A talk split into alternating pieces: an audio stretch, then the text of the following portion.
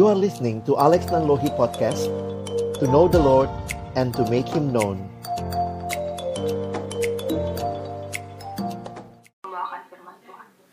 Mari kita berdoa. Tuhan terima kasih banyak buat kesempatan kami kembali belajar bersama. Mohon agar kiranya Tuhan memimpin apa yang akan sama-sama kami pelajari, memberikan pengertian dan pemahaman untuk akhirnya kami boleh membangun kehidupan seorang murid Kristus di dalam Engkau. Berkati waktu ke depan, dalam nama Tuhan Yesus Kristus kami menyerahkan waktu ini. Amin. Shalom teman-teman, semoga masih segar siang begini ya biasa ya. Ngantuk mungkin melanda, jadi tetap bisa konsentrasi, lakukan apa yang kalian butuhkan untuk terus bertahan melek gitu ya. Baik, Teman-teman ini agak teknis sesinya. Saya ingin kembali lagi memberikan pemahaman bagi kita bahwa eh, apa sih yang penting waktu kita memulai nanti teman-teman kan jadi pemimpin kelompok kecil begitu ya. Kadang-kadang kalau kita hanya fokus kepada memimpin kelompok kecilnya tapi kita lupa gambaran besar apa sih yang sedang kita bangun. Makanya sesi yang awal tadi saya memberikan pemahaman bagi kita bahwa engkau dan saya sedang terlibat di dalam membangun kerajaan Allah dengan cara membangun murid. Jadi kembali lagi murid itu seperti apa? Tadi sudah disampaikan bahwa bicara murid adalah seorang yang tahu firman tetapi kemudian melakukan firman. Jadi hidup murid itu bukan ya jelas banget kalau cuma tahu kamu sedang membangun farisi begitu ya. Dan be, yang yang perlu kita pahami adalah bagaimana pemimpin kelompok kecil tuh tahu apa yang dia bangun. Nah, itu yang saya pikir sesi-sesi ini menolong teman-teman untuk tetap fokus tahu apa yang dibangun sehingga kita tidak akhirnya mungkin melewatkan 2-3 tahun memimpin kelompok kecil tanpa arah, tanpa tujuan, tanpa ini mau ke mana sebenarnya ya hanya karena sudah tradisi di kampus kita yang dilakukan dari generasi ke generasi.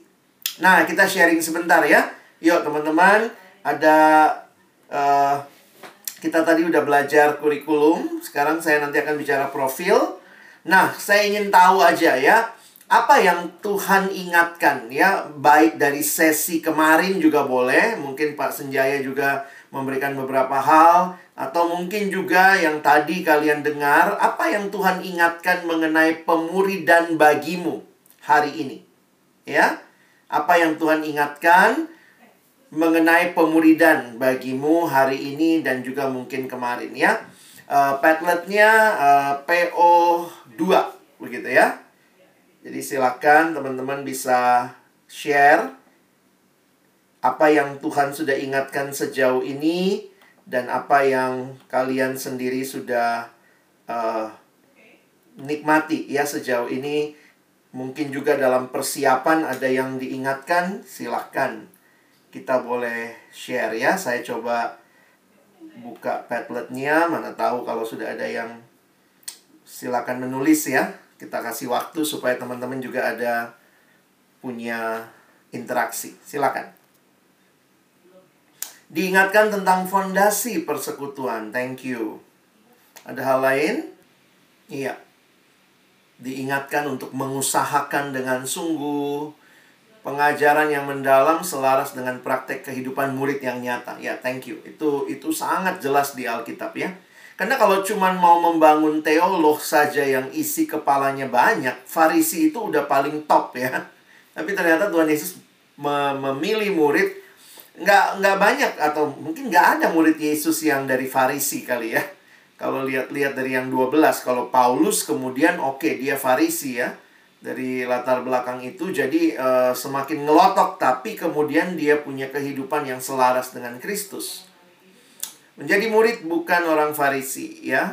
Nah, ini menarik ya. Beberapa kali saya datang ke kampus, saya suka tanya gini, ada berapa kelompok kecil? Wah, kami ada 13 kelompok kecil. Jadi berapa AKK-nya? ada sekitar uh, 70-an AKK bang. Oh oke. Okay. Terus saya tanya lagi, berapa yang murid? Hmm? yang murid. Karena uh, sering kali kita mengevaluasi hanya dengan berapa jumlah orang yang ikut kelompok kecil. Mungkin kita perlu mengevaluasi lebih dalam begitu ya. Berapa banyak yang ikut kelompok kecil, benar-benar mengerti firman dan melakukan firman ya. Tentu kita tidak sekedar mendata tapi kita doakan. Nah kita saya senang dengan istilah tadi ya mengusahakannya dengan sungguh. Jadi ini perlu untuk kita pahami ya. Masalah berbagi hidup thank you bersama-sama belajar mendalami oke sudah kalau kelompok kecil sehat pasti persekutuan juga akan sehat ya itu itu prinsip yang menarik ya jadi saya biasanya kalau datang ke kampus, kalau mereka sudah cerita, iya bang, susah sekali cari, susah sekali cari pelayan di kampus. Nah, saya udah mulai was uh, ini ya. Kalau kalian dokter itu kan akan langsung lihat yang mana gejala, yang mana penyebab. Jadi kita mesti mulai sense nih, ya. Wah ini susah cari pelayan, jangan-jangan faktor utamanya tidak ada pemuridan yang baik. Karena logikanya kalau pemuridan baik, orang akan rindu melayani gitu kali ya. Oke, menjadi PKK harus didasari oleh kasih. Thank you. Jadi terima kasih teman-teman yang sudah menjawab. Saya pikir ini akan menolong kita juga untuk masuk lebih jauh. Uh, saya sangat menekankan tentang pentingnya kalian tahu kelompok kecil ini ngapain begitu ya. Apa sih yang harus terjadi di dalam kelompok kecil? Mari kita lihat dulu apa yang Paulus sampaikan dan saya ingin ini menjadi dasar juga untuk kita memahami sesi ini. Kalau kalian lihat kenapa jadi teknis, karena memang ada hal yang menarik yang Paulus sampaikan. Kita lihat di dalam 1 Korintus pasal 3 ayat 10 dan ayat yang ke-11 ya. 1 Korintus pasal 3 ayat 10 dan ayat 11. Saya bacakan bagi kita. Sesuai dengan kasih karunia Allah yang dianugerahkan kepadaku, Aku, sebagai seorang ahli bangunan yang cakap, telah meletakkan dasar dan orang lain membangun terus di atasnya. Nah, perhatikan kalimat ini. Tetapi tiap-tiap orang harus memperhatikan bagaimana ia membangun di atasnya, karena tidak ada seorang pun yang dapat meletakkan dasar lain daripada dasar yang telah diletakkan, yaitu Yesus Kristus. Jadi, teman-teman, setiap orang harus memperhatikan bagaimana ia harus membangun di atasnya.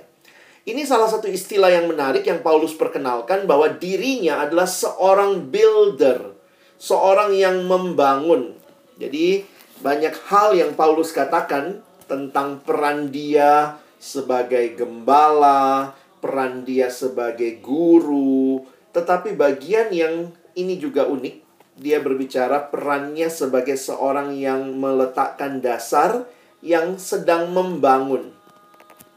Nah, saya mengutip beberapa bagian dari buku-buku yang terkenal bicara pemuridan. Contohnya buku Dallas Willard, dia bicara The Great Omission. Jadi bukan The Great Commission ya, The Great Omission, hal-hal yang sering kali terlupakan begitu ya. Hal yang penting banyak hal yang dikerjakan oleh gereja-gereja pada masa kini hanya sedikit saja yang berkaitan dengan menghasilkan murid Kristus. Jadi ini pengamatan Dallas Willard. Dia katakan sedikit sekali yang atau sedikit saja yang berkaitan dengan menghasilkan murid Kristus. Dan, nah fokusnya apa dong kalau nggak hasil murid Kristus? Dan lebih pada memberikan produk dan jasa religius bagi budaya yang dikendalikan oleh keinginan pelanggan.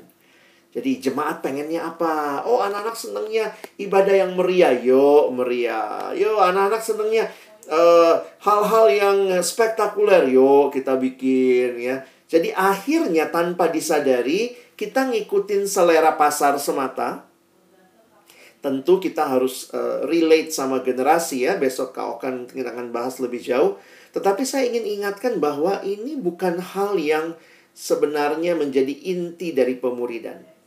Nah, makanya dia menuliskan suatu di suatu masa dalam sejarah menjadi seorang Kristiani dan menjadi seorang murid Kristus menjadi dua hal yang berbeda. Saya udah jelasin tadi ya. Itu sama. Tapi Dallas Willard mengatakan itu kayak dua hal yang beda. Sedih banget ya. Nah, seorang lagi yang banyak meneliti di dalam penelitian-penelitian survei yaitu George Barna.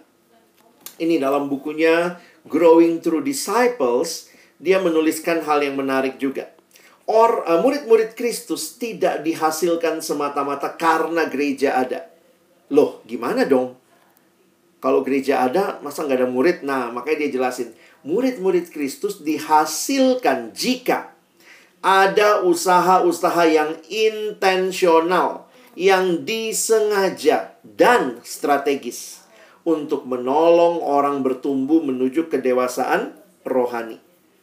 Sama seperti anak yang lahir dalam sebuah keluarga, dia harus mengalami pertumbuhan. Dan di dalam setiap tahap pertumbuhannya kita bisa lihat Contoh saja beli susu bayi ada umur segini sampai umur segini Susunya yang ini. Nggak boleh yang itu. Emangnya kenapa nggak boleh yang itu? Nah itu sebenarnya sudah ada orang-orang yang meneliti Dan kemudian secara strategis melihat dan memberi label ya. Sehingga apa yang diobserve oleh George Barna ini menjadi satu hal yang penting ya. Teman-teman, yang yang saya jadi memang yang saya banyak takut sekarang itu ya, banyak PKK nggak jelas lagi ngapain.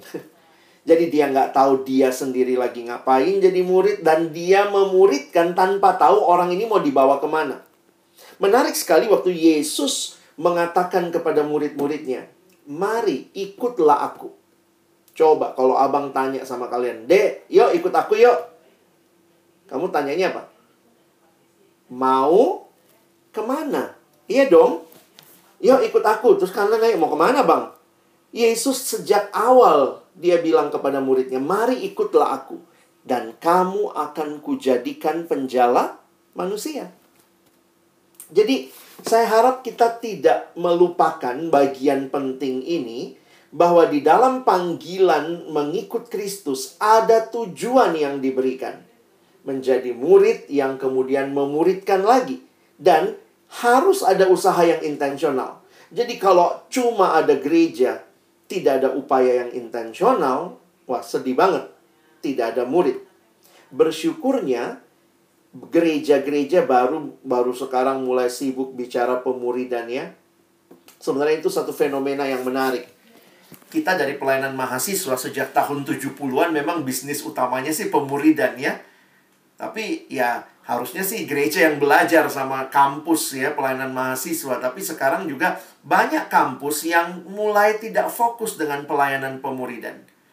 Pemuridan dianggap seperti yang tadi kita dengar ya hanyalah menguasai doktrin, kayaknya harus bicara hal-hal yang elit saja. Bukan demikian pemuridan.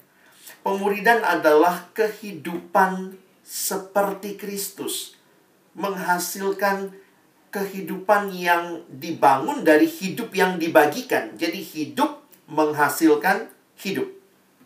Jadi, saya harap ini jadi penting ya. Makanya, kembali lagi, Abang menantang apa usaha-usaha intensional yang strategis. Nah, itulah kalau bahasa-bahasa kita, ya, kita bikinin kurikulum, kita buatin profil karena apa? Kita secara intensional menuju ke sana. Kalau kalian mengerti anak ada, teman-teman yang FKM mungkin ya atau yang psikologi juga ya memahami kalau psikologi memahami tahap pertumbuhan manusia. Oh menarik tuh. Saya tanya sama yang psikologi, nah ini yang ini pertumbuhan uh, mental ya. Mereka mengatakan di setiap tahap kehidupan ada yang namanya tugas perkembangan tugas perkembangan itu harus dipenuhi. Kalau tidak, nanti mungkin akan jadi masalah di tahap itu atau di tahap selanjutnya. Saya kasih contoh begini ya. Kenapa? Kenapa ini ini penting? Karena prosesnya nanti juga mirip begitu. Makanya ahli-ahli kurikulum dan profil-profil ini coba menggali kekayaan kehidupan dan coba mem membuatnya jadi sebuah sistem yang lebih teratur ya. Nah, contohnya begini. Kalau orang secara psikologis melihatnya anak umur 0 sampai 3 tahun misalnya itu disebut sebagai golden periodnya, golden age. Karena pembentukan banyak hal tuh di situ. Jadi saya juga sedang uh, bukan sedang pernah ya, karena kami lagi nggak ketemu karena pandemi. saya melayani seorang anak yang di usia sudah alumni, sudah bekerja sekian tahun, tiba-tiba mengalami depresi yang sangat berat. Dan ketika digali, salah satu yang ditemukan adalah, jadi bukan satu-satunya ya, tapi ini salah satu. Jadi bayangkan, dia hidupnya baik-baik saja. Tapi ketika dia ada di usia tertentu 20 sekian setelah jadi alumni, bekerja sekian tahun, tiba-tiba dia depresi berat dan itu ternyata akarnya ada di umur 0 sampai 3. Jadi di masa-masa itu teman-teman dia tidak dapat hal yang dia butuhkan. Ternyata katanya di umur 0 sampai 3 orang tuh paling penting anak bayi itu paling penting dapat perlindungan dan keamanan. Jadi rasa percaya diri itu dibentuk di mana? Di situ ternyata. Makanya begini, secara teori ketika anak bayi menangis, itu orang tuanya harus langsung datang dan mendekap. Karena itulah logikanya. Makanya di dalam generasi sebelumnya, mungkin opung-opung kita ya, kakek nenek kita yang anaknya 17, 10, itu kalau nangis dibiarin aja sih ya. Jadi mungkin memang akhirnya tumbuhlah orang-orang yang karakternya kurang kuat. Karena biasanya ketika dia tidak dapat keamanan jadi waktu anak bayi itu menangis dia kan sedang meresponi dunia di sekitarnya. Nah ketika dia tidak dapat dekapan pelukan yang menenangkan dia maka dia kemudian akan merasa saya nggak bisa percaya dunia ini. Jadi itu bukan hanya masalah dia nanti sudah kuliah, dia pede. Ada orang kuliah pun nggak pede. Mungkin itu masa-masa kecilnya. Apalagi mungkin yang mungkin besar sama uh, asisten rumah tangga. Jadi kalau dia nangis, asisten rumah tangganya nonton sinetron. Mungkin bodoh amat lah anaknya nangis ya. Kalau ada tuannya saja baru, waduh kenapa sayang gitu ya. Nah, itu bisa terjadi. Makanya saya juga kagum dengan beberapa teman, teman-teman yang bahkan sudah S2, alumni-alumni dari FISIP, teman-teman saya yang akhirnya berhenti ketika masa-masa setelah melahirkan untuk fokus mendidik anak atau menemani anak. Saya pikir itu satu bagian yang menarik. Jadi rasa percaya diri timbulnya dari situ. Dari uh, di didekap dikasih ketenangan bahwa ada papa ada mama kamu aman. Ini dunia yang aman buat kamu. Jadi anaknya jadi lebih pede. Nanti kalau dia masuk ke dalam masa-masa selanjutnya uh, itu itu masa 0 sampai 3 juga itu masa mengenal. Terus ada lagi yang namanya kalau di bawah satu tahun itu tahap oral ya. Semua yang dia pegang pernah lihat adik-adik bayi semua yang dia pegang dia masukin mulut. Itulah anak bayi ya karena itu cara dia mengenal.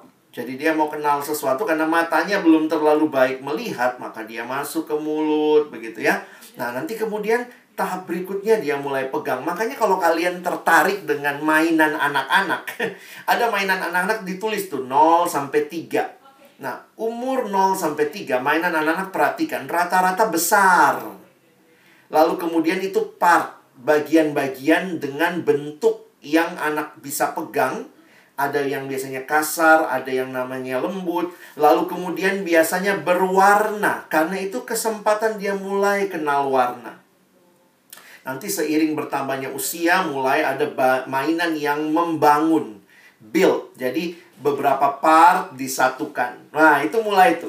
Nah, itu kan tahap perkembangan. Kamu kasih anak anak dua, dua bulan, anak dua bulan kamu kasih mainan membangun, ayo dek masukin ini ya, yang bulat masukin ke yang bulat. Dua tahun belum ngerti, kira-kira begitu ya.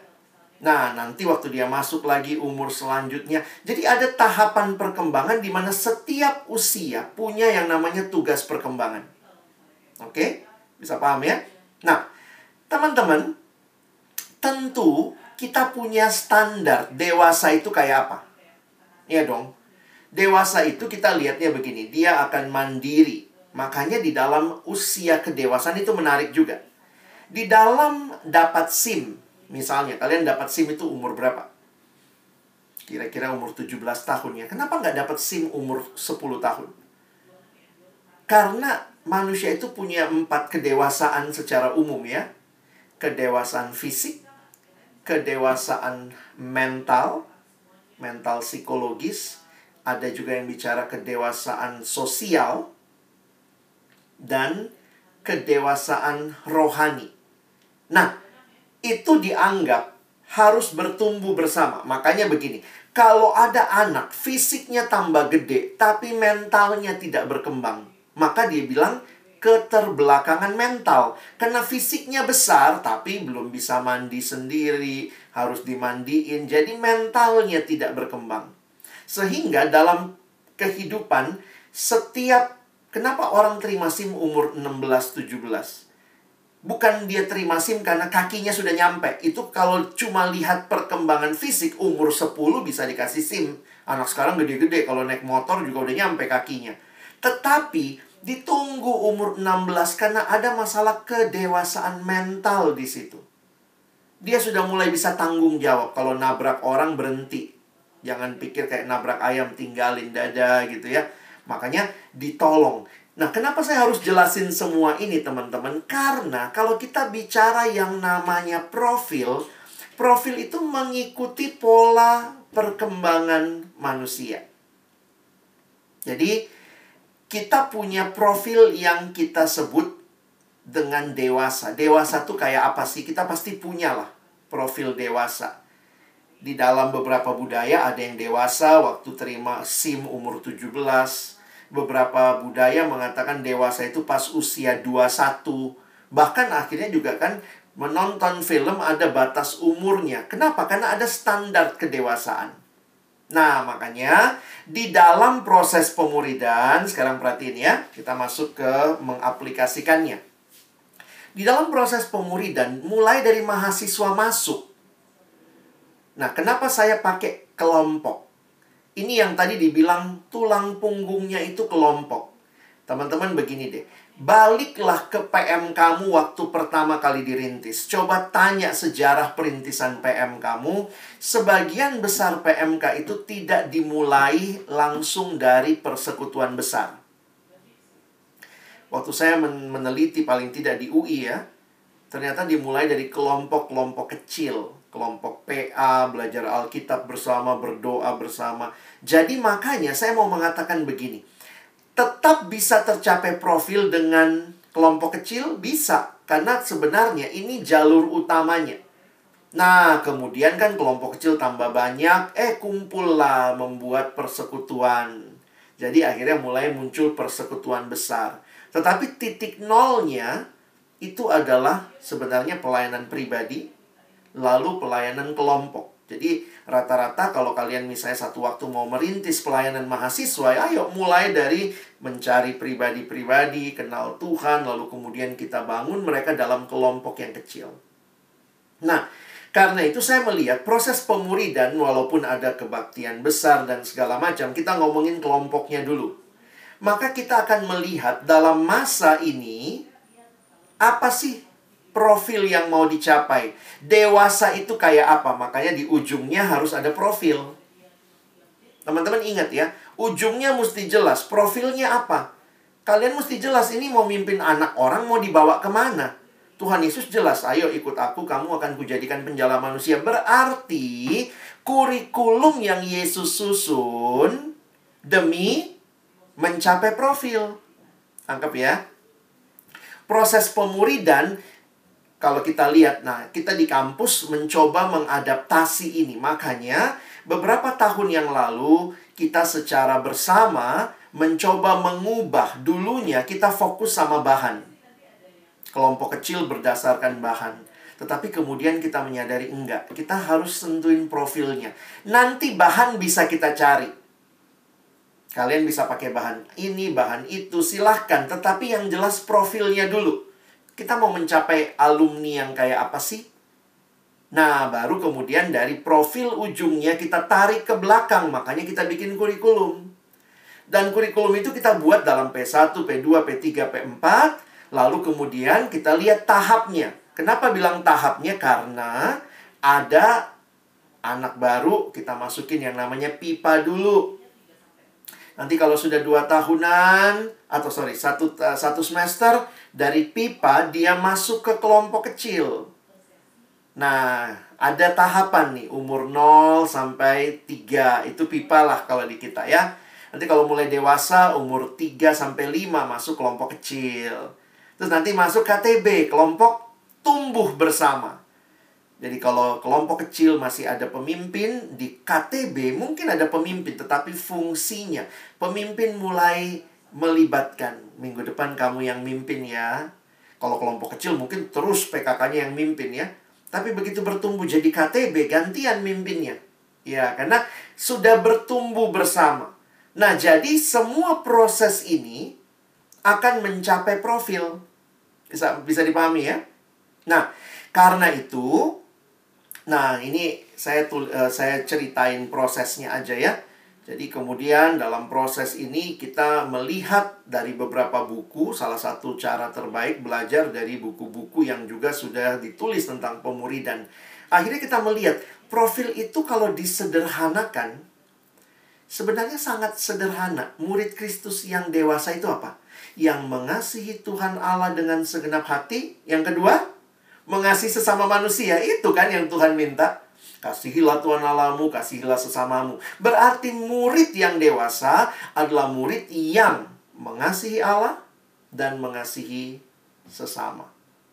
Karena itu, kita melihat bagaimana hal ini terjadi. Nah, kita berhutang profil murid Kristus kepada Bapak Dosen Trotman.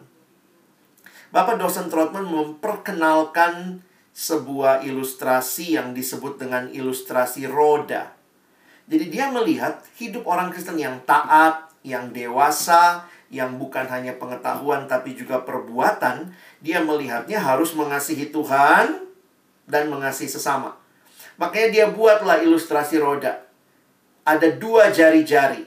Mengasihi Allah yang vertikal, hubungan dengan Allah. Mengasihi sesama yang hori, horizontal, hubungan dengan sesama. Tapi Bapak dosen Trotman mengatakan sama seperti roda. Roda itu yang muter mananya? Porosnya.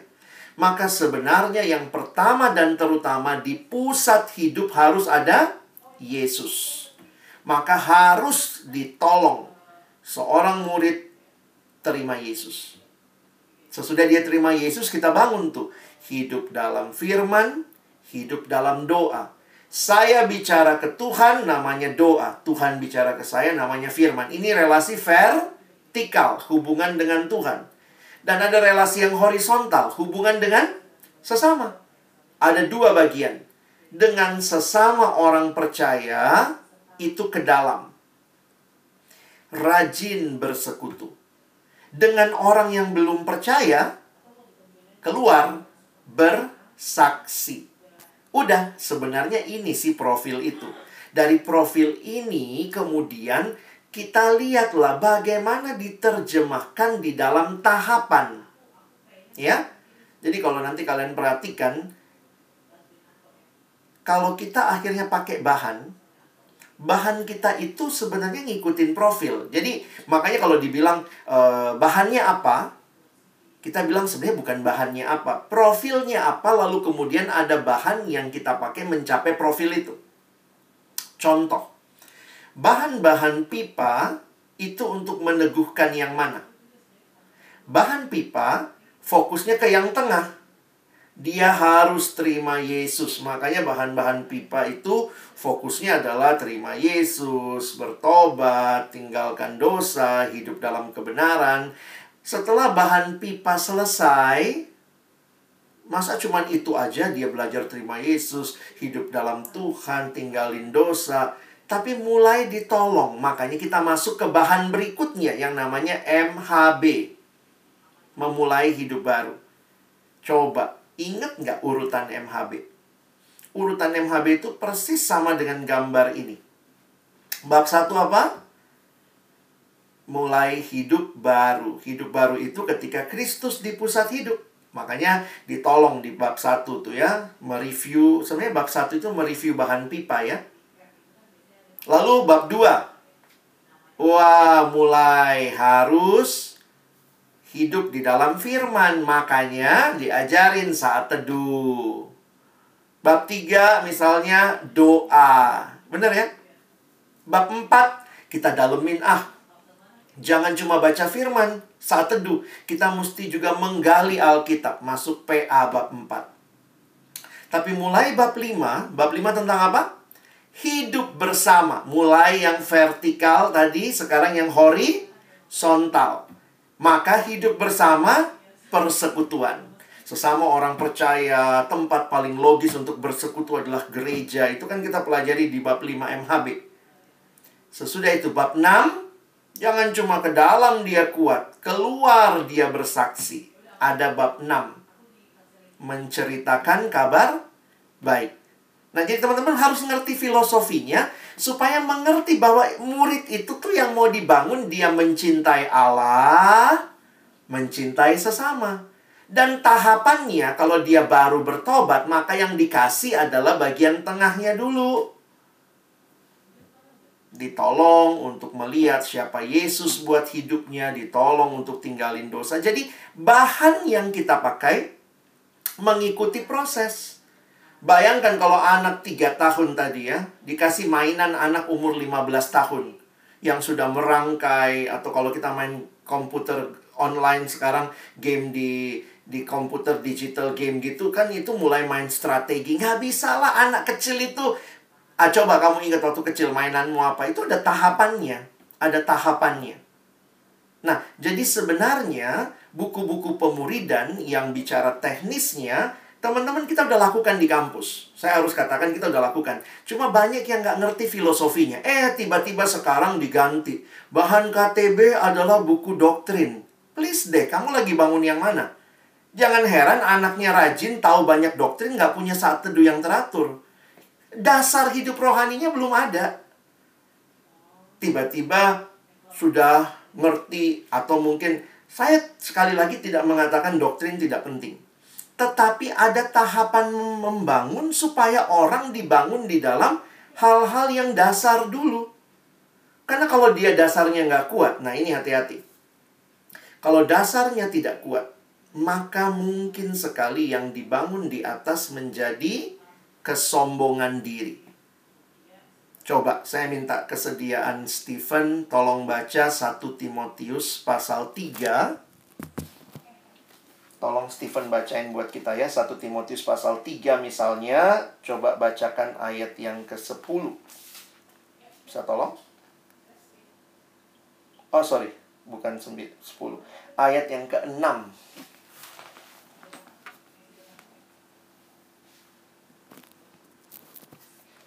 saya agak lama bergumul dengan ayat ini gitu ya. Kadang-kadang memang sekarang kita ya apa ya langgar-langgar dikit lah ayat ini kita berikan orang pelayanan sebagai bu, sebagai bentuk bentuk relasi. Ya, supaya rajin datang PO, rajin datang PJ, suruhlah dia melayani.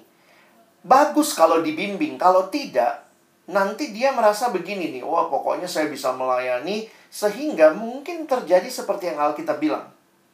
Jadi sombong. Orang yang baru bertobat bukan pelayanan yang harus dikasih, tapi pembinaan anak bayi itu harus makan dengan teratur, minum susu yang teratur, bukan disuruh ke ladang. Belum bisa dia.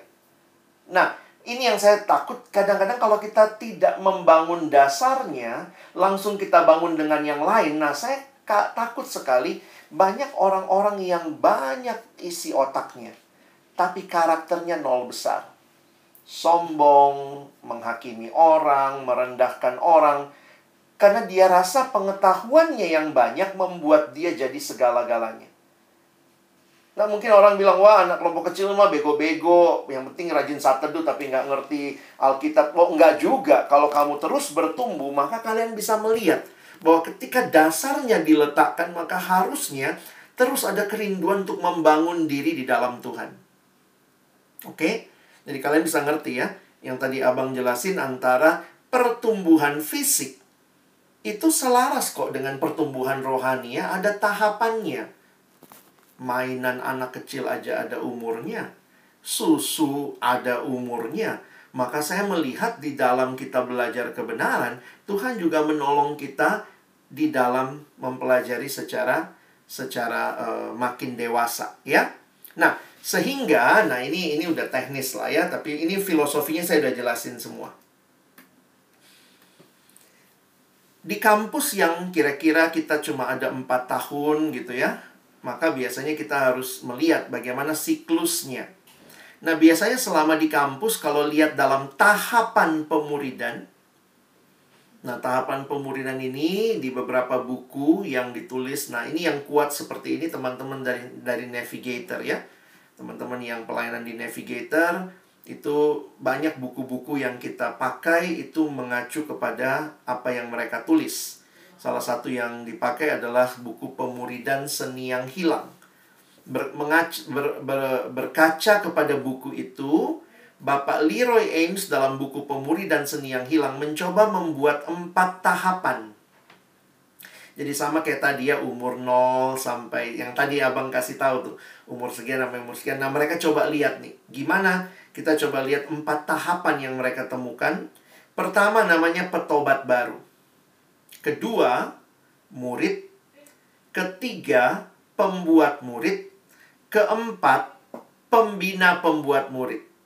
Nah tapi di sisi lain pembina pembuat murid itu kan kembali memuridkan, tetapi pada saat yang sama juga di titik ini menjadi profesional yang diutus di dalam dunia pekerjaan.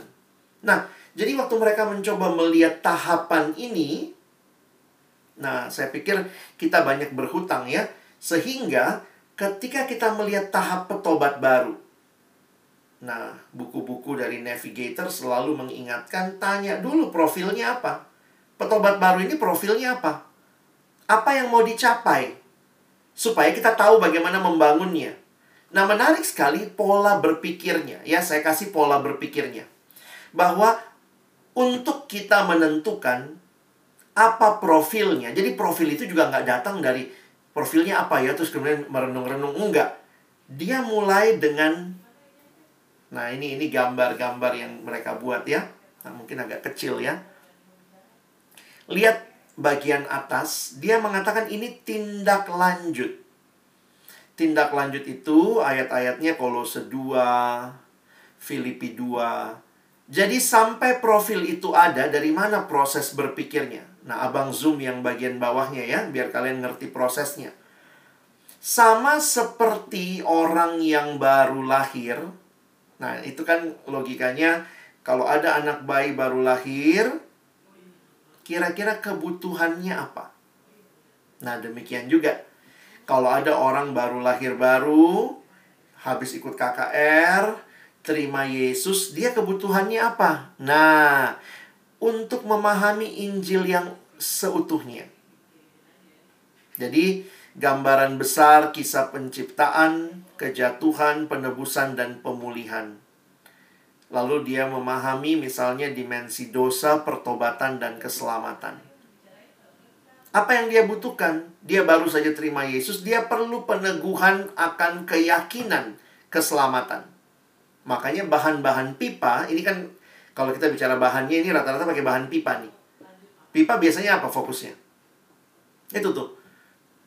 Terima Yesus, Terus misalnya tentang dosa diingatkan lagi, lalu diteguhkan. Kalau kamu sudah percaya Kristus, maka kamu sudah selamat, kamu sudah dalam Kristus.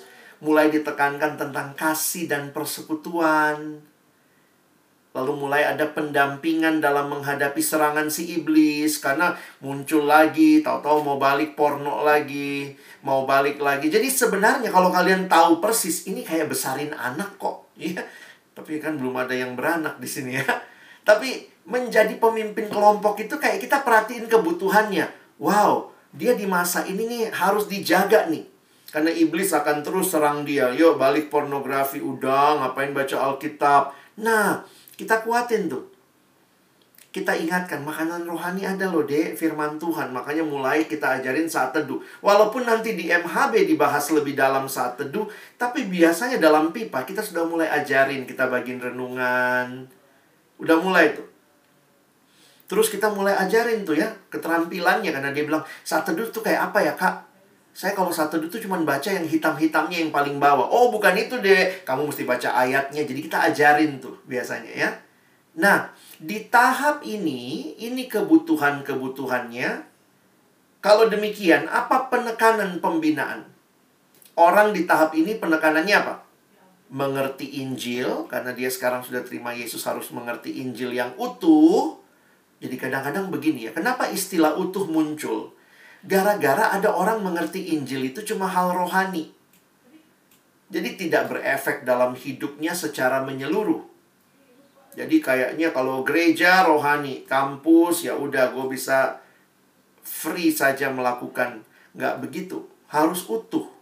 Nah yang kedua, karena masih tahap anak baru lahir, anak rohani baru lahir, itu butuhnya dikasihi, didampingi, dilindungi. Nah, makanya dari kebutuhan dan penekanan pembinaan dibuatlah profil. Begitu kira-kira cara bacanya. Kalau kalian tertarik nanti baca buku-buku Navigator, buku Pemuridan Seni yang Hilang. Jadi karena di buku-buku itu biasanya langsung dikasih taunya ini. Ini profilnya, ada enam profil petobat baru. Tapi dari mana dapat profil ini? Ah, ini nih cara berpikirnya dari memahami kebutuhan, melihat penekanan dan itu yang tadi Abang bilang comparisonnya dengan hidup rohani. Eh sorry, hidup jasmani kita baru lahir tuh butuhnya apa? Ya dilindungi. Diajarin gitu ya. Eh, jangan masukin tangan adek ke dalam mulut, diajarin taruh tangannya.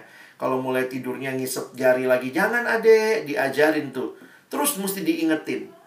Aduh kak, aku malas saat teduh. Ayo dek, gitu ya. Ayo, rajin lagi ya. Kita dampingin, kita kuatin. Nah, tapi kalau sudah umur anggaplah udah umur 16 tahun masih masukin tangan ke dalam mulut, something wrong.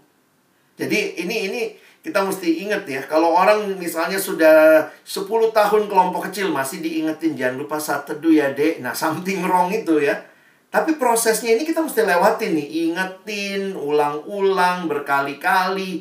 Nah, makanya kalau orang nanya, gimana mimpin pipa online?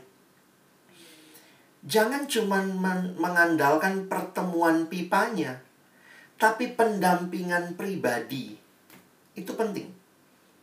Teman-teman, memang kadang-kadang kita buat grup, grup lain, grup WA dengan adik-adik pipa kita, tapi sebenarnya bagi saya jangan cuma di grup. Kadang-kadang kita di grup, halo apa kabar? Nggak ada yang balas. Ya, japri lah. Japri sebutkan namanya. Alex, apa kabar? Oh baik kak. Mungkin gimana caranya biar nggak menekan ya bilangnya gini, eh dek, minggu ini ada nggak ayat firman Tuhan yang berkesan waktu kamu baca Alkitab? Aduh kak, lagi nggak baca. Eh coba baca ya, kita baca bareng ya. Nanti apa yang berkesan kita saling sharing. Mungkin dia juga, aduh kak, aku jatuh dalam dosa minggu ini. Ya udah, kita doakan kamu ya. Waktu kamu doain, sebut namanya. Saya berdoa Tuhan, tolong Alex. Alex milikmu Tuhan jadi sebenarnya kan dari apa yang kamu yakini, dia milik Tuhan, dia dijaga Tuhan, tapi diserang iblis nih. Maka kamu berdoa dan ini jadi bagian yang menarik untuk kita mendampingi. Jadi jangan cuma sibuk sama profilnya. Oh, dia harus memiliki pemahaman Injil yang utuh. Dia harus memiliki kepastian keselamatan, memiliki kerinduan terhadap firman, harus meninggalkan dosa. Ini yang mau dibangun. Ini akhirnya yang kita mau bangun. Tetapi prosesnya, ya teman-teman, saya bukan katakan bahan itu nggak penting. Maaf. Tetapi kadang-kadang masuk ke dalam menjawab kebutuhan itu bukan di bahan ya. Memang hari ini kita PA nih. Wah, Roma 3. Itu bahan pipa biasanya Roma 3 lah, Roma 623 lah, eh, anak yang hilang. Itu semua bahan pipa. Wah, hari ini coba deh kamu nomor 3. Dosa apa yang mau kau tinggalkan? Tapi kan sesudah itu sehari-hari jadi bukan pertemuan dan bahan itu selesai, tetapi bagaimana kita mendampingi layaknya seperti tadi Abang bilang ya. Ketika ada anak kecil yang nangis teriak, dia tahu ada yang mendekat, ada yang menenangkan. Jadi tahulah kebutuhannya. Nah ini kalau kamu review ingat-ingat memorimu dulu kamu gitu juga nggak? Awal-awalnya bingung, takut. Nah Tuhan kasih kakak kelompok kecil. Mungkin dia tidak ideal, tetapi sebenarnya secara ideal harusnya begini nih. Ada kasih, ada persekutuan. Aduh kak, males nih ikut PJ. Atau males nih ikut apa. Kita teleponin. Kalau dulu saya ingat kita jemputin gitu ya. Dek, aku jemput ya. Aduh kak, gimana ya? Ayo, yuk kita janjian yuk. Ada teman-teman yang lain datang. Jadi bukan cuman kita jab apa ya. Sekarang modelnya uh, di belas ya. Teman-teman, uh, ada kebaktian jam segini ya. Wah, kalau saya ada undangan begitu, saya copy paste lalu saya japri lagi. Saya taruh namanya. Dear Alex. Undangan ini buat kamu. Jadi personal gitu ya Nah, teman-teman, ini hal-hal yang saya pikir uh, mimpin pipa itu bukan mimpin bahannya saja. Tapi apakah hidupmu masuk ke dalam hidup orang-orang yang kau layani, yang kau doakan dan merindukan mereka Tuhan di tahap ini, mereka perlu kenal engkau. Bahan akan menolong. Tetapi berjalan bersama mereka, menjalani masa-masa belajar bahan ini itu yang akan menolong. Nanti selesai tahap ini, masuk lagi nih tahap selanjutnya. Tahap selanjutnya itu nanti masuk ke tahap murid. Tahap murid itu bagaimana? Nah, mulai ya, saya kasih contoh aja nih. Kalau sudah selesai pipa, bahannya juga sudah ada ya. Kita juga bersyukur sudah ada bahan pipa yang kita buat mungkin. Semua itu memenuhi yang tadi.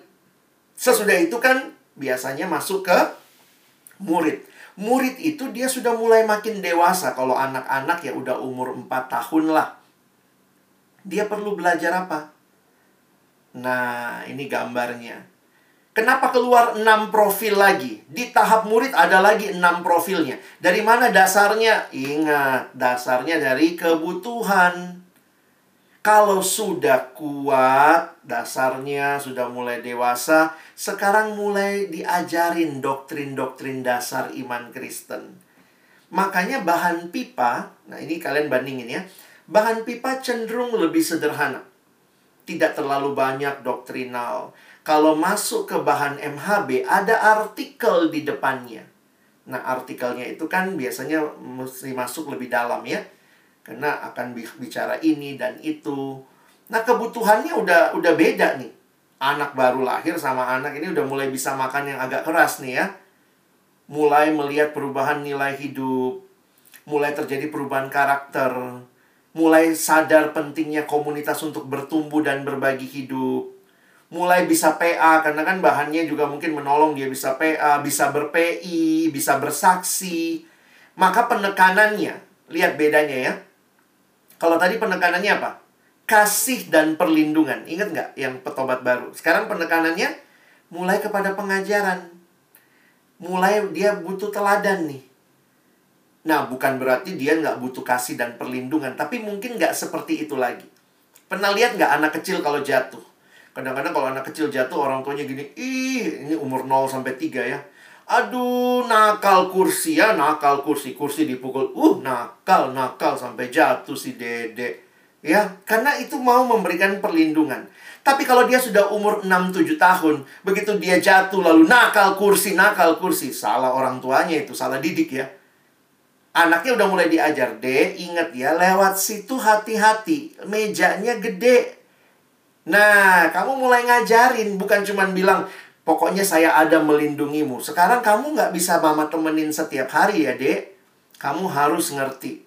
Nah, mama kasih tahu nih, diajarin. Dikasih teladan. Lihat, mama lewat sini aja nyamping, dek. Nyamping, dek. Ah, gitu. Nah, teman-teman, aduh, cepat merit deh, biar bisa belajar besarin anaknya. Karena pemuridan itu tuh sebenarnya seperti itu. Kadang-kadang kalau lihat profil tuh teknis banget. Satu, tunduk kepada ketuhanan Kristus. Dua, relasi dengan Allah.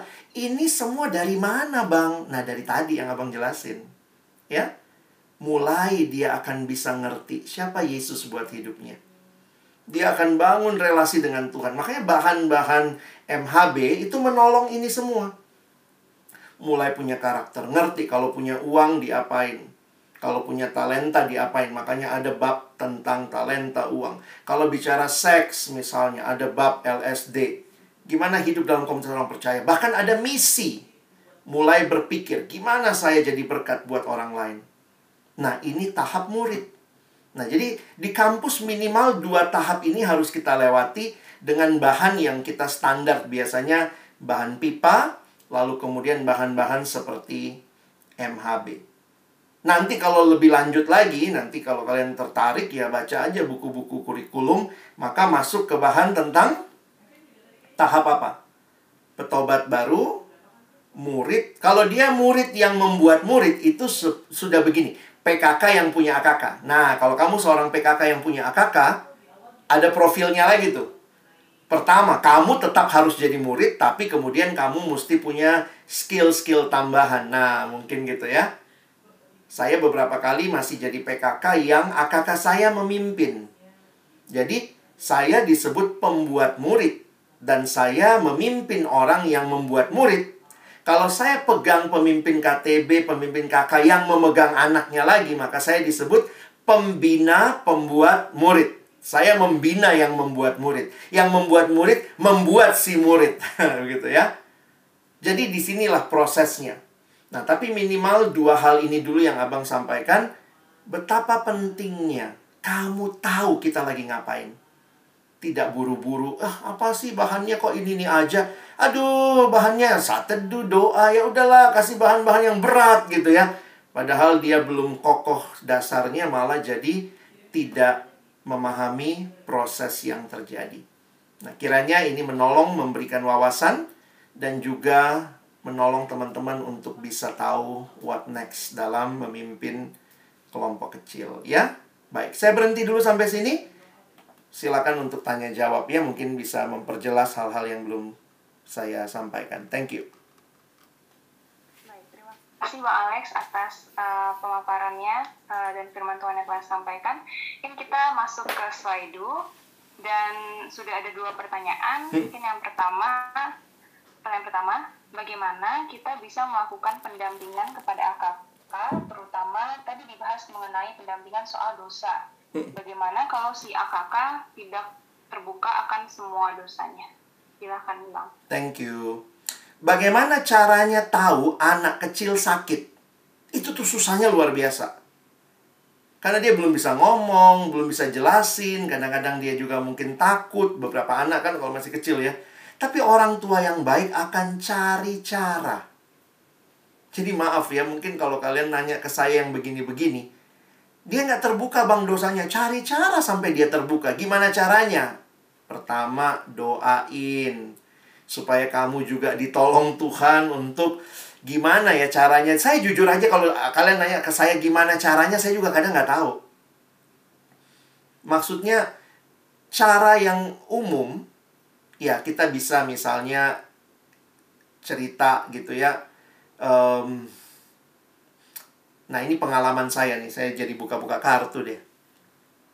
Beberapa dosa kita tuh sama kok. Prinsip-prinsip umumnya sama, dan uh, kalau saya pengalaman kalau anak-anak cowok baru masuk nggak jauh-jauh lah porno. Ya itu kan biasa ya dalam arti kok jadi biasa. Padahal itu kan sebenarnya mengerikan ya. Mulai uh, kalau cowok mungkin main game online. Jadi maksudnya gini loh Jangan terlalu berpikir akak kamu itu orang dari planet mana, dia beda sekali sama kamu. Apa yang mungkin jadi pergumulan dosamu, mungkin juga itu pergumulan dosanya. Jadi ketika saya mau tahu, saya kan ya saya kadang-kadang mikirnya, saya pengen tahu dong Tuhan apa yang saya bisa doain buat dia. Saya mulai dengan ceritakan pergumulan pornografi saya. Saya belajar kasih tahu, iya saya juga dulu bergumul. Jadi bisa jadi waktu kita sharing tentang dosa, misalnya pertanyaan ketiga, dosa-dosa apa yang harus kamu tinggalkan? Ayo coba kamu, jangan begitu. Mungkin mulai dari, ah aku mau sharing dulu ya teman-teman ya. Aku nggak lebih baik loh dari kalian, tapi aku... Jadi kalian cerita dulu gitu. Cerita gitu ya tentang bagaimana Tuhan tolong kamu, dosa-dosa yang mungkin uh, dulu kamu nikmati. Sekarang ya masih satu dua kali jatuh, tapi aku punya tekad, aku mau hidup bagi Tuhan. Sharingkan itu, dan nanti kamu bisa begini kan. Silakan teman-teman, gimana Beberapa kali waktu saya coba, karena saya mulai terbuka dengan pergumulan itu. Ada akak-akak saya dalam pengalaman ya. Iya bang, gue sama persis kayak lo gitu. Jadi jangan give up lah. Karena ya kamu bisa mulai begitu. Atau mungkin juga ya. Teman-teman, hari ini kita tulisin ya tanpa nama. Apa dosa-dosa yang ya kayak misalnya saya pakai Padlet ya. Saya nggak perlu tahu kamu siapa. Tapi saya bilang begini, Teman-teman, setelah belajar hari ini, coba kita tulis doa kita di Padlet, di Padlet itu. Tulisnya ini nggak usah pakai nama ya. Tapi kita tulis, Tuhan, dosa-dosa apa yang saya mau tinggalkan. Minimal kamu jadi tahu kan dari anak-anakmu, oh ada yang ini, ada yang ini. Nah, mungkin nanti melalui pergumulan waktu, kamu akan bisa lihat, oh ini si ini yang bergumul nih. Atau jangan-jangan semua ngisi, semua juga bilang porno. Ya sama ternyata. Nah, itu poin saya. Jangan kehabisan akal, tapi milikilah belas kasihan dan kerinduan. Tuhan, saya mau, Engkau sudah tolong saya, Tuhan. Saya mau tolong dia. Dan Tuhan tolong saya untuk mungkin punya waktu dengan dia. Terus mungkin kamu bisa gini juga ya. Teman-teman, uh, saya terbuka ya untuk kalian kontak. Kalau kalian mau cerita lebih dalam di luar pertemuan ini, silahkan. Abang terbuka untuk kita share ya. Nah, saya pikir hal-hal seperti itu ya mungkin tidak gampang, tidak langsung juga dia cerita semua, tapi keinginan untuk terbuka mendengar, keinginan untuk membuka diri I am not better than you tapi hanya anugerah Tuhan yang nolong saya, itu biasanya dalam pengalaman menolong orang juga mengungkapkan dan kita sama-sama dipulihkan. Mungkin itu. Baik, terima kasih Bang Alex. Jadi uh, memulai dulu untuk bercerita agar memancing para AKK juga berani bercerita seperti ini Bang. Oke, untuk uh, teman yang bertanya apakah sudah terjawab bisa sampaikan di kolom chat ya teman. Ketahuan okay, nanti siapa. Uh, Anonimus dia. Ini ini susahnya ini susahnya pakai Zoom live chat. Kenapa saya pakai Padlet? Padlet itu satu sarana juga selain Slido ya satu sarana untuk orang bisa mengungkapkan tanpa dihakimi. Makanya anak sekarang lebih senang nanyanya di anonimus. Jadi kalau kalian memang satu waktu misalnya coba sharingkan dosa-dosamu, belum tentu loh orang terbuka. Apalagi kalau dia baru kenal ya. Sementara kan bahan-bahan pipa tuh biasanya bicara gimana dosamu. Kalian mesti putar otak tuh. Cari cara. Atau misalnya begini, teman-teman, kita bikin list dosa ya. Saya biasa juga bikin list dosa. List dosa ya saya tulis aja Eh, dosa-dosa apa yang paling banyak atau saya bisa pakai Padlet juga ya. Teman-teman, dosa-dosa apa yang banyak dilakukan anak muda saat ini? Tulis setiap orang minimal 5. Mereka tulis masing-masing 5 ya. Lalu kemudian setelah terkumpul dari empat orang misalnya kita dapat 20. 20. Wih, banyak nih dapat 20 dosa ya. Nah, sekarang teman-teman, bolehkah kita jujur di hadapan Tuhan? bagian mana yang masih jadi dosamu. Jadi tadi dosa orang, cara nanya juga penting tuh. Dosa-dosa orang-orang pada umumnya. Yang terakhir gimana? Mungkinkah kamu juga termasuk yang melakukan dosa-dosa itu? Nah biasanya kalau begitu ditanyanya dia akan lebih iya ya. Uh, karena ini juga, gue kayak yang lain kok bang, sama nih. Ketimbang kamu langsung nanya, apa dosa-dosamu? Coba sebutkan lima dosamu. Eh, orang langsung gak mau gitu ya. Kalian kuliah komunikasi kali ya, belajar komunikasi yuk. itu cara-cara yang saya nikmati di dalam saya bertumbuh juga. Tidak dihakimi, tapi ditolong. Nah, miliki dulu hati seperti itu, maka pola komunikasi, cara itu nomor dua sebenarnya. Tapi miliki hati untuk menolong orang dan merindukan mereka kenal Tuhan. Oke. Okay. Terima kasih Mbak Alex untuk uh, pertanyaan yang lebih dielaborasi lagi. Mungkin untuk pertanyaan selanjutnya ada pertanyaan kedua. Uh, sebelum saya membaca pertanyaan kedua, teman-teman yang ingin bertanya boleh melalui dulu atau minta untuk uh, langsung on mic juga nggak apa-apa. Silahkan teman-teman uh, kirimkan pertanyaannya. Pertanyaan kedua, kalau kalau kelompok pipa hanya satu kali pertemuan dan dalam waktu kurang dari sebulan langsung diajak untuk kakak, kalau kayak gitu apakah nggak apa-apa bang? Iya, ini kan tahapan itu kita yang buat ya. Dan memang kadang-kadang saya juga lihat ada beberapa yang mungkin di SMA sudah dilayani. Jadi dia bukannya nol, umur nol gitu ya dalam kerohanian. Ada yang seperti itu. Jadi sebenarnya begini, teman-teman kamu yang deketin anaknya, yang doain, yang komunikasi, biarlah Tuhan memimpinmu dalam hikmat, ya. Dan poinnya memang begini, kadang-kadang karena kita di kampus itu kan istilah-istilah tuh jadi penting. Dia masih pipa. Dia sudah kakak. Tapi ada yang sudah kakak masih berasa pipa. Ada yang pipa tapi sudah mulai berasa kakak. Nah, kalian uh, bagi saya gini lah, uh, istilah itu biarlah ada di belakang kepala kita. Tapi pendekatan pribadi akan menolong kamu melihat. Ini anak di tahap mana. Saya pernah punya pengalaman.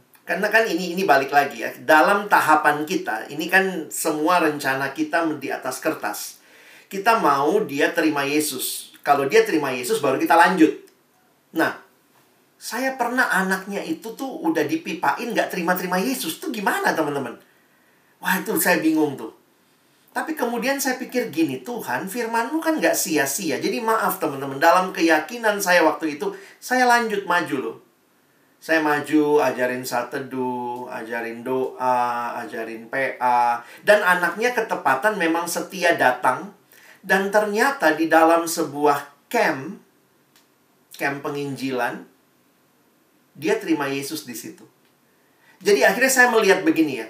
Tuhan pakai saya bukan mengikuti pola seksi kelompok kecil yang harus pipa dulu, pipa itu terima Yesus baru kemudian lanjut, tetapi dalam hikmat yang Tuhan kasih waktu itu dengan dia mau datang dan mengikuti prosesnya, ini jadi satu peluang untuk membawa dia lebih dekat kenal Tuhan sampai ternyata dalam waktunya Tuhan dia terima Yesus. Jadi eh, sekali lagi jangan terjebak sama istilahnya, tapi biarlah kau dipimpin Tuhan dan peka ya. Kenali baik-baik anaknya juga seperti apa. Jadi anak itu waktu itu cukup sering tuh nanyanya agak-agak aneh ke saya ya. Kalau gini gimana? Jadi ini kelihatan kayak dia udah kenal Yesus belum, tapi uh, berkali-kali ditanya dia bilang udah udah terima Yesus. Tapi kemudian saya lihat Tuhan ternyata pakai waktu kemudian untuk dia makin firm dalam percaya pada Yesus. Mungkin itu. Baik, terima kasih Bang Alex untuk hmm. jawabannya. Uh, ini baru aja ada pertanyaan baru yang mm -hmm. tidak uh, saya bacakan.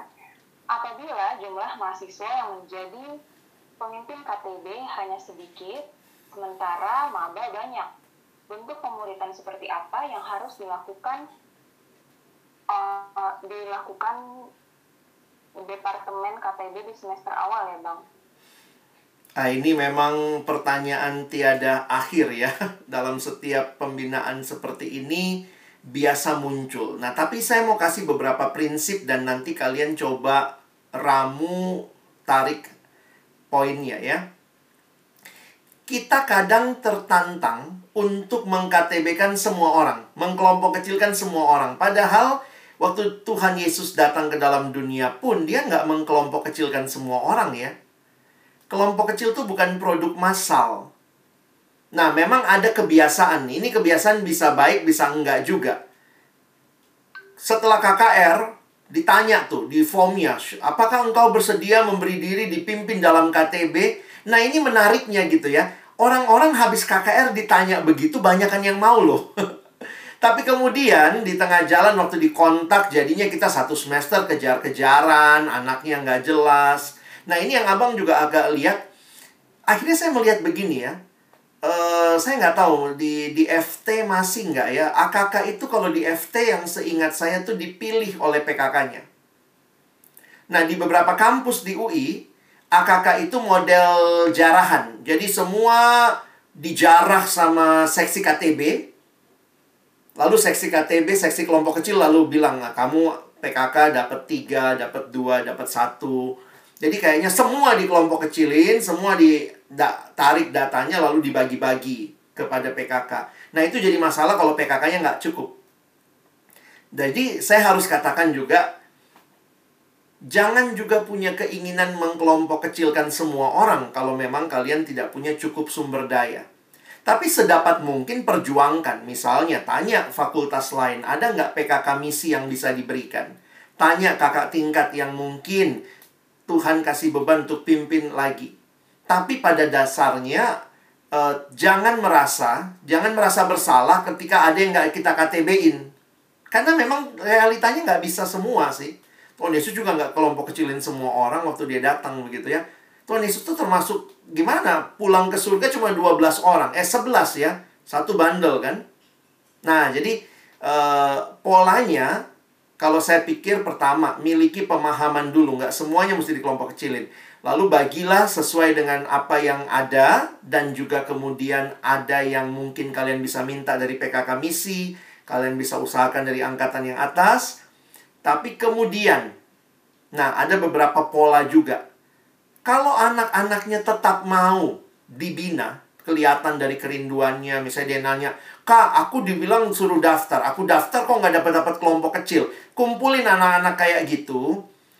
Coba kelompokin dalam kelompok yang lebih besar. Dan itu bisa dipimpin oleh pengurus bergantian. Misalnya, jadi itu akhirnya maaf ya, itu jadi akhirnya KB, kelompok besar. Siapa yang pimpin? Pengurus aja gantian. Kamu MHB bab 1, kamu bab 2. Jadi pemimpinnya bisa bergantian. Bagaimana bagi hidupnya? Saya pikir ya, bagi hidupnya mungkin terjadi dengan natural ya semua pengurus perhatiin aja jemaat begitu. Nah, tapi itu pernah terjadi di satu kampus yang tidak punya cukup PKK sementara banyak yang mau kelompok kecil. Nah, mungkin itu kali ya. E, kalau mau teknisnya nanti kita bisa diskusi sih ya. Tapi gini, putar otak ya, putar otak selalu untuk uh, gimana kita bisa membangun generasi ini. Selalu putar otak, jangan give up terlalu cepat ya. Baik, terima kasih Bang Alex. Sama-sama. Uh, selanjutnya, uh, pertanyaan selanjutnya yang keempat, ingin bertanya Bang, bagaimana cara yang tepat untuk menghadapi AKK yang terlihat menghindar untuk ikut pertemuan kakak? Silakan Bang. Iya, thank you. Kalau saya membiasakan mungkin yang tadi ya, sebaiknya terus ditanya juga masih mau lanjut apa enggak. Kalau dia bilang enggak ya enggak apa-apa juga. Kamu bisa fokus sama yang mau lanjut. Kecuali kamu yakin gini ya, Tuhan kok kayak kasih beban terus tentang dia ya. Poin saya sebenarnya begini, jangan sampai kamu sudah, sudah jalan, iya bang, kami kelompok sini udah setahun, tapi kejar-kejaran. Dia masih menghindar, berarti kan kecenderungannya dia nggak mau kali. Cuma nggak enak gitu. Uh, jadi hal-hal kayak gini nih mesti diperjelas. Di zaman kami sebenarnya agak lebih agak gila sih ya. Di zaman kami itu semua yang mau ikut kelompok kecil bikin hitam atas putih tanda tangan. Jadi kalau di tengah jalan dia agak mandek, itu PKK gampang tuh nanya, Dek, kamu pernah tanda tangan, masih mau lanjut nggak? Kalau nggak juga nggak apa-apa. Tapi sekarang nih kan gini, di awal anaknya sedikit kejebak gara-gara kita bilang siapa yang mau Lalu PKK juga nggak kenal AKK-nya, dia dikasih sama seksi kakak. Waktu udah jalan anaknya nggak serius, mau diberhentiin nggak tahu caranya gimana. Jadi ini akhirnya kayak kejar-kejaran. Saya nggak tahu gimana caranya, karena kalian yang paling kenal generasimu ya. Coba pikirin cara yang baik atau ngomong heart to heart kalau dia bilang, Kak, aku tuh mau bertumbuh, tapi aku tuh nggak nggak cocok jadwalku sama temen-temen. Nah, mungkin nggak kamu kasih jadwal pribadi?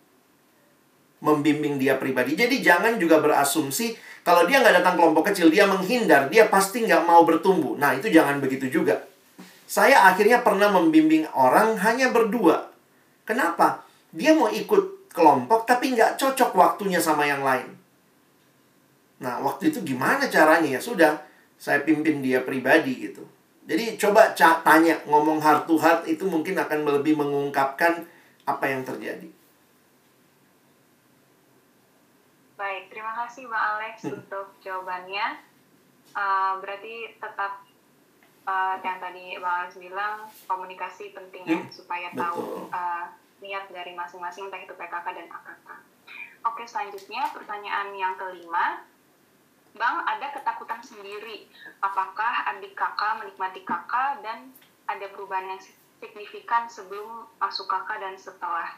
Hmm. Bagaimana, Bang?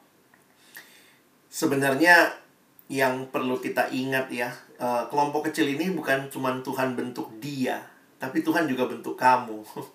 Karena yang ini kan terjadinya bertumbuhnya bareng ya. Jadi sebenarnya jangan terlalu takut dia nikmatin atau tidak gitu ya. Tapi uh, rindukanlah bahwa kamu sendiri terus bertumbuh dan dari hidupmu yang bertumbuh, saya pikir dari situlah keluar perhatian yang tulus, kerinduan. Saya harus katakan begini, beberapa kalian yang baru bertobat di kampus bertemu dengan AKK yang sudah tobat dari SMA. Maaf ya, beberapa anak-anak yang sudah dilayani di SMA ada yang bagus, ada juga yang besar kepala. Waktu masuk kampus sombong. Ya elah, dia mau jadi PKK. Banyakan gue tahu ayatnya itu tuh, waduh, agak takut juga tuh mimpin anak-anak seperti itu ya. Tapi saya bersyukur, kenapa saya bisa cerita begini teman-teman, saya yang kayak gitu tuh, saya saya orangnya. Itulah saya. Saya dilayani dari SMA, saya SMA sudah selesai MHB. Jadi waktu masuk kampus, saya juga bilang sama seksi kakak waktu itu ya, maaf kak, saya nyari KTB ya, saya nggak mau ulang MHB. Oh, saya bilang gitu. Saya nggak mau, saya sudah selesai waktu SMA. Jadi teman-teman tahu, saya satu semester tuh nggak dapat kelompok kecil. Kenapa? Nggak ada yang pas. Semua PKK itu yang mimpin anak yang baru. Pakai pipa, lalu pakai MHB. Saya nggak mau gitu. Sampai akhirnya ya itu saya bersyukur ya cara Tuhan dicariin PKK. Jadi PKK saya anak teknik teman-teman. PKK saya dari teknik karena di FISIP tidak ada orang yang memenuhi kriteria saya untuk jadi PKK saya ya. Jadi akhirnya saya dicari PKK, dapatlah PKK misi dari teknik dan saya digabung sama teman-teman yang ditinggal PKK-nya. Jadi saya satu kelompok kecil dengan kakak angkatan satu di atas saya, satunya dua tahun di atas saya. Jadi saya waktu anak bawang pun udah dinaikkan ke seperti itu. Tapi saya bersyukur. Kenapa?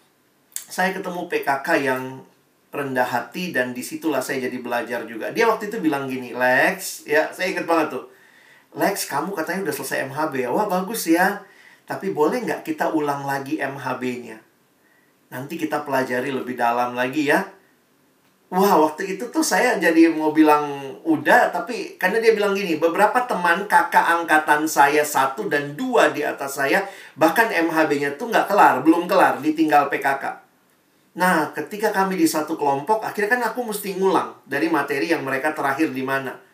Nah, justru sesudah itu, saya yang sombong ini jadi belajar untuk... Uh, jadi jangan takutlah menikmati, karena bisa jadi anaknya itu nggak menikmati karena dia sombong. Mungkin kayak saya dulu gitu ya. Kayak siapa yang mimpin, dia tahu apa gitu, gue udah selesai gitu ya. Nah, tetapi masalah menikmati itu sebenarnya butuh kerendahan hati kok untuk terus belajar. Dan itu harus dimulai dari uh, pemimpin yang juga dengan rendah hati mengatakan kalau kamu nggak tahu bilang aja nggak tahu. Ini beberapa tips komunikasi ya kalau ada AKK yang nanya gitu ya. Kadang-kadang ada loh AKK-AKK tuh suka nanya ngetes PKK kan. Uh, menurut abang tuh kalau Tuhan sudah memilih kenapa manusia bisa murtad ya? Mungkin kamu juga hah apaan nih gitu ya? Jangan takut. Ini kan kelompok tumbuh bersama. Makanya saya tidak terlalu pikir kita mesti menguasai doktrin semuanya baru mimpin nggak begitu. Kalau kamu nggak tahu kamu bilang apa? Wow bagus banget pertanyaannya. Yuk kita cari tahu bareng-bareng ya. Saya juga pengen tahu tuh. Kenapa? Karena kelompok ini saya juga belajar bukan cuma kamu. Mungkin saya hanya mengajarkan kamu gimana bersaat teduh. Tapi hal yang mendalam kayak gitu kita cari tahu bareng-bareng yuk. Kamu cari ya, mana tahu ada YouTube-nya, nanti kirim di grup WA kita, kita belajar bareng. Minggu depan kita diskusiin. Jadi jangan merasa semua pertanyaan itu ditujukan sama kamu. Jadi tertekan jadi PKK. Apalagi waktu anaknya nggak menikmati, kita jawab dia nggak bisa. Waduh, kayaknya kita langsung selesai jadi PKK gitu. Enggak sih. Ingat ini kelompok kita bertumbuh bersama, Tuhan berikan adik-adik untuk kita bimbing, tapi juga bisa jadi Tuhan berikan mereka untuk memberikan pengajaran atau menolong kita juga dalam hal yang kita belum tahu. Mungkin begitu dulu. Baik, terima kasih Pak Alex. Jadi uh, peran PKK itu tidak sendirian, dia tidak bertanggung jawab sendirian, tidak berjuang sendirian, hmm. tapi juga ada peran AKK yang juga ikut memperjuangkan kakak itu sendiri. Betul. Oke, okay Selanjutnya, uh, lanjut ke pertanyaan selanjutnya ya Bang. Hmm. Tadi uh, Abang sempat bilang kalau kita perlu terbuka dulu ke AKK sebelum AKK terbuka ke kita. Gimana ya Bang caranya supaya kita sendiri bisa terbuka terlebih tentang dosa? Silakan Bang. Thank you. Keterbukaan tentang dosa bisa terjadi kalau engkau sendiri mengalami pengampunan Tuhan. Jadi saya bilang saya suka berpikir begini ya. Kenapa saya takut cerita dosa saya? Siapa tahu saya masih nikmati itu dan tidak tidak apa ya istilahnya ya, tidak menikmati bahwa Tuhan mengampuni saya. Jatuh bangun itu bagian dari perjuangan hidup rohani. Tetapi ketika saya tahu saya pernah serius di hadapan Tuhan mengakui dosa itu, maka waktu saya menceritakan, saya tidak ceritakan kegagalannya saja. Jangan bangga gitu ya, wah saya udah nonton berapa ratus film porno deh, aduh hebat banget saya. Bukan begitu. Tetapi yang kau ceritakan adalah penyesalan dan pengampunan Tuhan serta kerinduanmu untuk bangkit. Memang ini butuh proses ya nggak nggak gampang ya maksudnya gini apalagi yang laki-laki itu jauh lebih sulit laki-laki terbuka biasanya kepada orang yang dia percaya secara psikologis bilangnya begitu. Kalau perempuan cenderung terbuka kepada orang yang dia senang. Wah seneng nih ngobrol-ngobrol bisa langsung cerita yang mendalam. Kalau laki-laki biar udah 2-3 tahun kelompok kalau dia nggak percaya mungkin dia belum mau cerita. Nah jadi poin saya sebenarnya begini ya buat teman-teman PKK ya lewatilah prosesnya. Kalau memang Tuhan belum meyakinkan kamu buat cerita ya nggak usah dulu ya. Bisa juga pakai yang kayak tadi ya kita bikin list dosa misalnya. Coba kita daftarin. Kamu bikin daftarnya waktu terus kita isi sama-sama. Kita isi sama-sama terus kita tunjukin ini loh yang masih jadi pergumulan saya tanpa penghakiman. Jadi uh, ya uh, lewati prosesnya dan alami bahwa memang Tuhan sudah ampuni kamu sehingga itu bukan sesuatu yang malu diceritakan tetapi sesuatu yang sedalam ini pun kamu jatuh anugerah Tuhan cukup buat engkau gitu. Ya ini ini balik lagi ya uh, butuh proses lah. Saya nggak katakan gampang juga. Baik, terima kasih Mbak Alex hmm. untuk jawabannya. Uh, ini masih ada dua pertanyaan lagi, mungkin kalau masih mau ditambah Boleh. juga tidak apa-apa, akan ditunggu ya teman-teman. Oke. Okay. Bang izin bertanya, bagaimana kalau sampai akhir kita lulus belum tercapai profil yang dituju, hmm. tapi saat itu kita juga tidak bisa lagi memimpin karena sudah menjadi alumni. Iya, Thank you deh. Ini ini banyak jadi pertanyaan juga dari orang-orang yang memulai ya. Gimana nanti kalau nggak nggak tercapai gitu. Nah saya harus katakan di atas kertas kurikulum itu selalu ideal ya. Tapi dalam realita sering kali tidak seindah itu dan memang prosesnya juga cukup lama. Jadi saya harus terbuka mengatakan ke kalian kalau belum tercapai maka ya sudah itu karena ini gini, pro, profil ini pertumbuhan seumur hidup. Jadi tadi itu ya kita lihat doa, firman, itu kan semua pertumbuhan seumur hidup. Makin lama makin dalam, makin lama makin dalam. Jadi kita nggak bisa juga melihat harus tercapai sekarang ini, nggak. Kalau saya pikir sesudah kuliah pun jadi waktu saya sudah jadi PKK pun apakah saya sudah sempurna dalam profil itu enggak? pertumbuhan itu seumur hidup. Ya. Tetapi memang ada indikator-indikator yang kita harapkan ter, terlihat lah waktu dia ada di kampus. Tapi kalau itu pun belum terjadi, maka kita harus katakan, ya Tuhan ini sudah saya usahakan.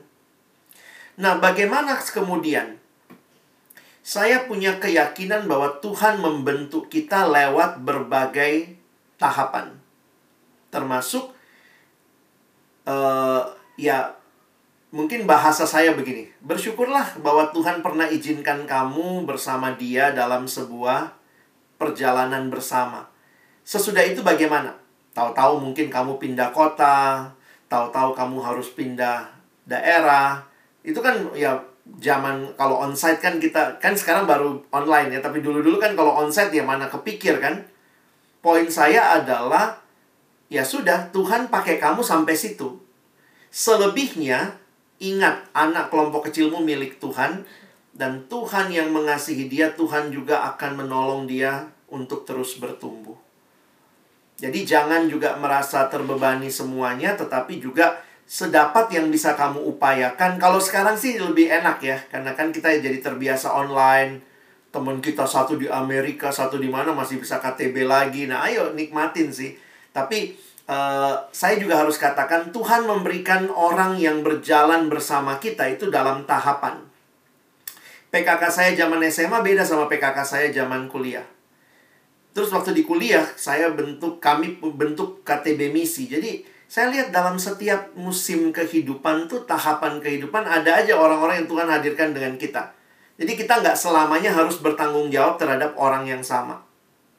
Walaupun relasi relasi dekat itu bisa jadi terjadi untuk selamanya, tetapi di dalam pertemuan formal KTB kelompok kecil belum tentu dengan orang yang sama selamanya. Mungkin itu.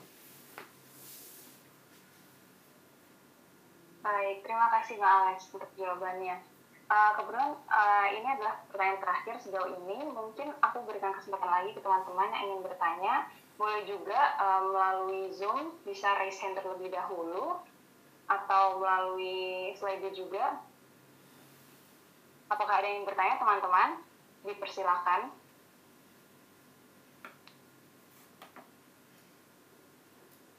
Uh, mungkin aku hitung 5 detik, kalau tidak ada uh, akan aku kembalikan ke Bang Alex. 5, 4, 3, 2, 1. Oke, saya kembalikan ke Bang Alex. Jika ada yang ingin disampaikan lagi, Bang. Uh, saya tunjukin foto-foto aja lah biar kita fun dikit ya. Nggak boleh ketawa ya. Ini foto-foto yang berhasil saya kumpulkan. Kalau saya ingat masa lalu ya maksudnya gini teman-teman. Saya cuma mau nunjukin bahwa Tuhan bentuk saya banyak di kelompok kecil. Mungkin kalian kenal abang sebagai orang yang jadi pembicara di sana di sini. Tapi saya ini produk kelompok kecil. Dan salah satu pelayanan yang saya nikmati sampai hari ini juga adalah memimpin KTB saya pernah bilang juga sih ya, kalau di UI ada adik-adik yang mau KTB boleh ya. Kalian bisa kontak kalau waktu kita pas. Ini adik-adik yang kami pernah bersama lah ya. Ini KTB dengan teman-teman staff di Perkantas. Uh, ya adik KTB saya juga ada Bang Rey di situ, ada Mas Pur gitu ya. Beberapa teman bersyukur gitu ya. Ini dan ke karena karena kami KTB dalam konteks pekerjaan ya, pelayanan di perkantas. Nah, KTB kami baru aja diacak-acak gitu ya. Dalam arti kita ganti lagi KTB-nya. Jadi saya pernah dengan mereka, sekarang saya dengan orang lain lagi gitu. Jadi dalam musim kehidupan kita Tuhan hadirkan banyak orang kok. Jadi teman-teman nikmati aja yang lagi dikasih sama kamu sekarang yang bisa diperjuangkan sejauh mana ya perjuangkan ya. Ini uh, eh, KTB kami. Saya dengan beberapa teman juga ini KTB dari staff dari berbagai daerah di Indonesia yang saat ini masih berjalan KTB ini ya. Kami jalan sebenarnya jadwalnya dua minggu sekali. Ya kita KTB sama-sama online online deh gitu ya karena kita juga uh, dari daerah yang berbeda ada dari Kupang ada dari Singaraja di Bali gitu. Nah saya dengan Kak Lina, Kak Vivi kami juga ada KTB gitu ya. Uh, walaupun sekarang lagi vakum tapi ya kita pernah dalam KTB yang lumayan ini ya seminggu dua minggu sekali juga gitu. Lalu uh, setelah jadi alumni ya saya juga nikmati KTB dengan istri. Kami pimpin beberapa KTB Pasutri. Ini KTB kami. Jangan lihat namanya ya ini karena lokasi tinggal kami daerah Gading ya. Udahlah namanya apa ya? Udah Gading Unyu begitu ya beberapa alumni yang tinggal di dekat rumah kami. Lalu kemudian juga sebenarnya KTB yang lebih lama, ini KTB Pasutri juga sebelum ini, ini KTB yang nah, ada Mas Oka ya, Mas Oka besok pembicara ya. Nah, itu kami satu KTB.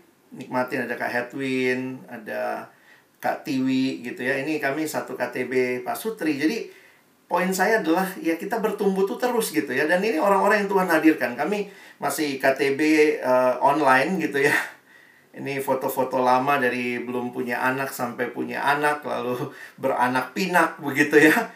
Terakhir waktu Natalan ini sudah dengan semua anak-anak gitu ya. Dan kita KTB-nya pernah juga bikin. Karena kan kami sadar wah kami KTB Pasutri yuk kita sharing yuk tentang hidup uh, men mencari pasangan hidup ya. Kami pernah bikin acara tuh tahun 2017 KTB kami love sharing begitu ya kami juga terbuka sih kalau ada yang mau dibimbing dalam pacaran dan segala macam gitu ya. Kami memang punya komitmen untuk bisa berbagi. Cuma memang dalam kesibukan masing-masing. Nah ini waktu online ya udah tetap KTB juga lewat online. Ini Mas Oka, Kak Afia besok akan jadi pembicara. Dan uh, ya ini contoh-contoh lah memperjuangkan itu nggak gampang gitu. Tahun 2002 Tuhan percayakan nah ini balik lagi lebih lama ya. 2002 saya mimpin kelompok kecil di SMA SMA-nya Yandres SMA-nya eh, Stephen ya SMA 1 Depok. Jadi mendampingi mereka gitu. Sampai ini waktu mereka kelas 2 lihat pertumbuhannya terjadi. Ini sudah kelas 3 makin bertumbuh dan lama-lama sih ya sudah jadi bapak-bapak semua ini. Sudah sebagian besar semua sudah menikah sudah punya anak. Jadi uh, ya kami KTB online begitu ya. Kalau pas ketemu uh, waktunya pas gitu. Jadi ini yang saya bilang tadi kami tidak ada pertemuan formal seminggu sekali tetapi keterikatan batin sebagai teman perjalanan dalam Tuhan tuh indah ya. Nah ini ini sesudah beranak pinak sehingga sekarang KTB-nya sudah Nah, kami akhirnya untuk mempertahankan sebulan sekali ketemu waktu on off on site ya kita bikin harisan ya. Supaya bisa ketemu lalu kita kebaktian bersama lalu kemudian kami nabung selama 2 tahun. Akhirnya kami jalan-jalan ke Bali dengan KTB kita. Bahkan bikin baju KTB gitu ya eh, sama-sama dengan anak dan keluarga Nah, poin saya adalah uh, kita dapat keluarga baru kok ya. Tuhan hadirkan. Mungkin yang kalian mulai, ah, ini anaknya dulu bandel-bandel gitu, lari-lari waktu kita kebaktian. Kadang-kadang kalau kelompok kecil saya datang ke sekolah, mereka menyelinap gitu ya. Main di kantin, saya mesti ke kantin ngejar mereka. Tapi ya dalam anugerah Tuhan, ah, ini buah-buahnya sekarang begitu ya tahun 96 saya mimpin KTB eh, Kak Dani uh, psikologi UI. Waktu itu saya PKK misi ke psikologi, lalu Kak Dani ini kemudian jadi ketua POUI ya di 98 mungkin kalau nggak salah. Dan uh, kami masih dekat gitu ya. Beberapa waktu yang lalu Kak Dani minta saya jadi sharing kepada adik-adik KTB di gerejanya dia. Nah ini adalah adik-adik KTB di gerejanya dia dan dia minta saya sharing bagaimana pengalaman kami sama-sama. Di FISIP tahun 93 kami membentuk KTB Misi. Ini orang-orang yang pernah berjalan bersama saya juga. Kami bermisi ke Klaten, tapi kami punya pertemuan rutin dalam KTB dan ini jalan sampai kami mungkin dua atau tiga tahun sesudah jadi alumni, lalu mulai punya anak, mulai sulit. Ini KTB kedua saya di kampus. Jangan cari yang mana saya gitu ya. Ini KTB di FISIP tahun 94. Jadi ini adik-adik yang saya pimpin, generasi kedua yang saya pimpin di kampus. Yang pertama kali saya memimpin tahun 93. Masih Soeharto ya. 93 itu jadi gini, saya ini dibina di siswa. Jadi saya masuk kampus 92, 93 saya sudah jadi PKK. Karena saya sudah dibina waktu siswa. 94 saya turun lagi. Kenapa saya turun? Karena tidak ada PKK yang cukup di 94. Saya turun ke 94 lagi. Jadi saya mimpin waktu itu 93 dan 94. Pada saat yang sama, PKK saya masih mimpin saya. Jadi seminggu itu saya tiga pertemuan. Satu ke atas ke PKK saya, dua ke bawah ke adik-adik saya. Uh, ini di tangga gedung F ya. Ini kelompok kecil saya, PKK saya sebelah kiri, alumni Teknik UI. Dan uh, ini kelompok kecil yang saya nikmati di kampus. Jadi saya juga nggak selamanya. Sampai hari ini masih kontak dengan PKK. Kadang-kadang dia masih tanya sesuatu atau dia share gitu ya. Kami masih dekat. Nah, tapi juga bersyukur bahwa Tuhan hadirkan orang-orang yang ya setiap kita punya punya teman perjalanan ya. Nah, yang paling lama sebenarnya ini kelompok kecil SMA saya nggak ketahuan lah umurnya ya tahun 89 kami dibentuk dalam sebuah kelompok kecil dan ini sampai hari ini masih sangat dekat sebagai keluarga sebagai orang yang saling uh, mendukung ya. Bahkan di masa pandemi juga masih bisa KTB secara online. Teman-teman nikmati ya ini bukan cuma belajar profil lah apalah gitu ya. Ini sebuah petualangan rohani. Nikmati ya Kiranya Tuhan menolong kita semua. Thank you. Baik, terima kasih Mbak Alex atas uh, firman yang telah disampaikan, terus setiap jawaban yang diberikan dan sharingnya tentang KTB dan kakak selama Mbak Alex dari SMA hingga sekarang. Baik, uh, semoga firman yang tadi telah kita dengarkan itu bisa menguatkan kita, memberkati kita, kita ingat terus dan kita lakukan dalam hidup. Sebelum kita masuk ke respon firman, aku ingin aku ingin bertanya, pernah